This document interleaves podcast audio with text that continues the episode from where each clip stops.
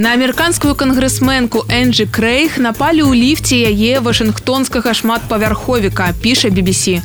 Кангрэсменка не разгубілася і запусціла ў нападніка кубачкам з гарачай кавай. А пасля гэтага спакойна адправілася на паседжанне кангрэса. Ніхто не звязваецца з Энджи. Напісалі ў твітары яе паплечнікі па партыі. Жадаем вам вытрымкі Энджы і расказваем, што яшчэ здарылася ў свеце на гэтым тыдні. Шок змяняецца горам.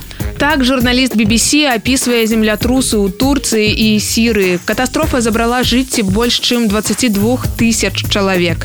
Ратавальнікі працягваюць працаваць, спрабуючы выратаваць тых, хто яшчэ застаецца пад заваламі. І раптам цуд У сірыі пад абломкамі дома знаходзяць навароджаную дзяўчынку.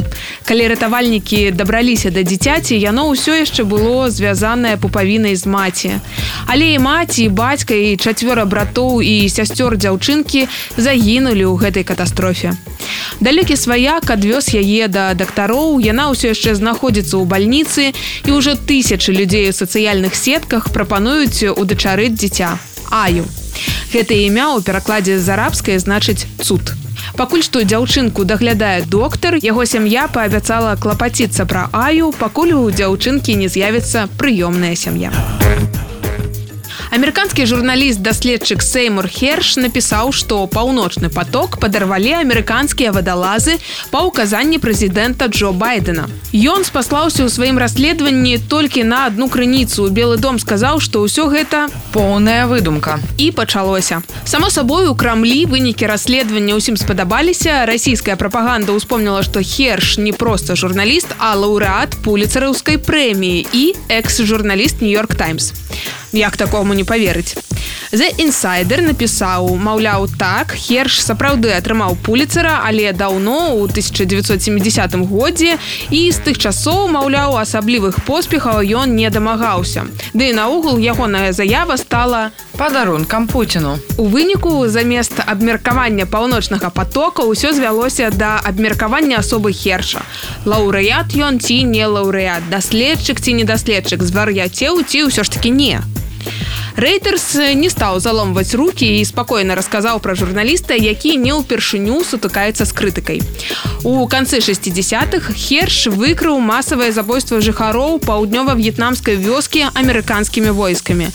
Вынікі яго даследавання дапамаглі пакласці канец вайне ў В'етнаме. Херш напісаў пра гэта кнігу, за якую уласна і атрымаў пуліцараўскую прэмію. У 2015 годзе херш сутыкнуўся са шквалам крытыкі. Ён апублікаваў апублікаваў артыкул у якім гаварылася што ўрады ЗША і пакістана зманілі пра дэталі рэйду амерыканцаў у выніку якога ў пакістане быў забіты ў сама бен ладен.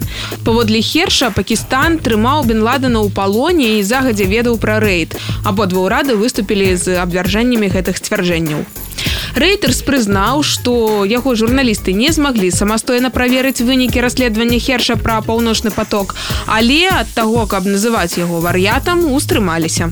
Нагадаем, што тады здарылася ў водах Швецыі і Даніі на дне мора адбыліся выбухі, пацярпеў той самы паўночны поток,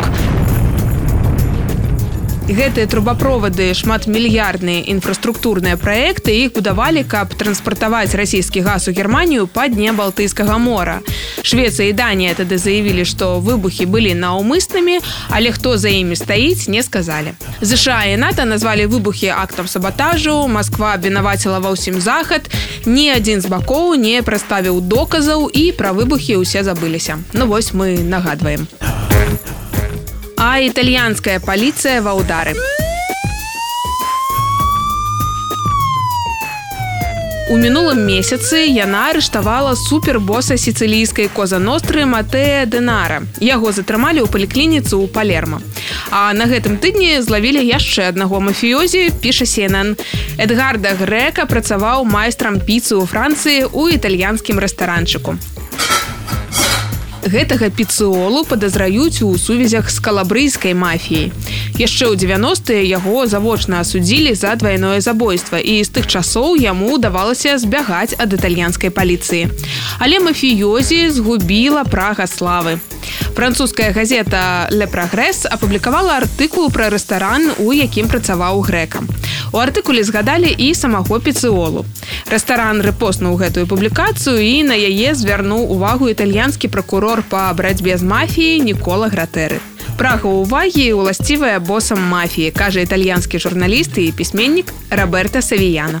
Гэта тыпова. Паглядзіце на Эль Чапа. Ён хацеў сустрэцца з Шонам Пэнам, які хацеў зняць пра яго фільм. А Аль Капоне хацеў трапіць на здымачную пляцоўку фільма твар са шнарам. Цытуе Савіяна Сенен.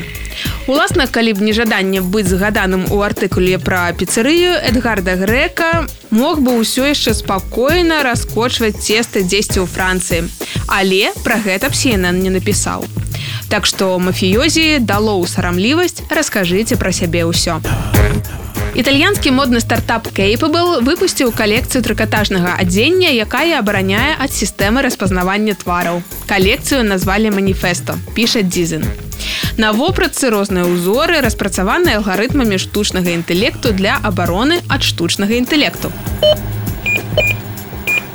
Штучны інтэлект будзе блытацца і не зможа ідэнтыфікаваць вас як чалавека. Нейрасетка падумае, што вы наогул не чалавек, а жывёліна у гэтым поўным пагроза ў свеце абаронім сябе хаця б ад паўстання машын. Інфармацыйная служба еўрарадыё.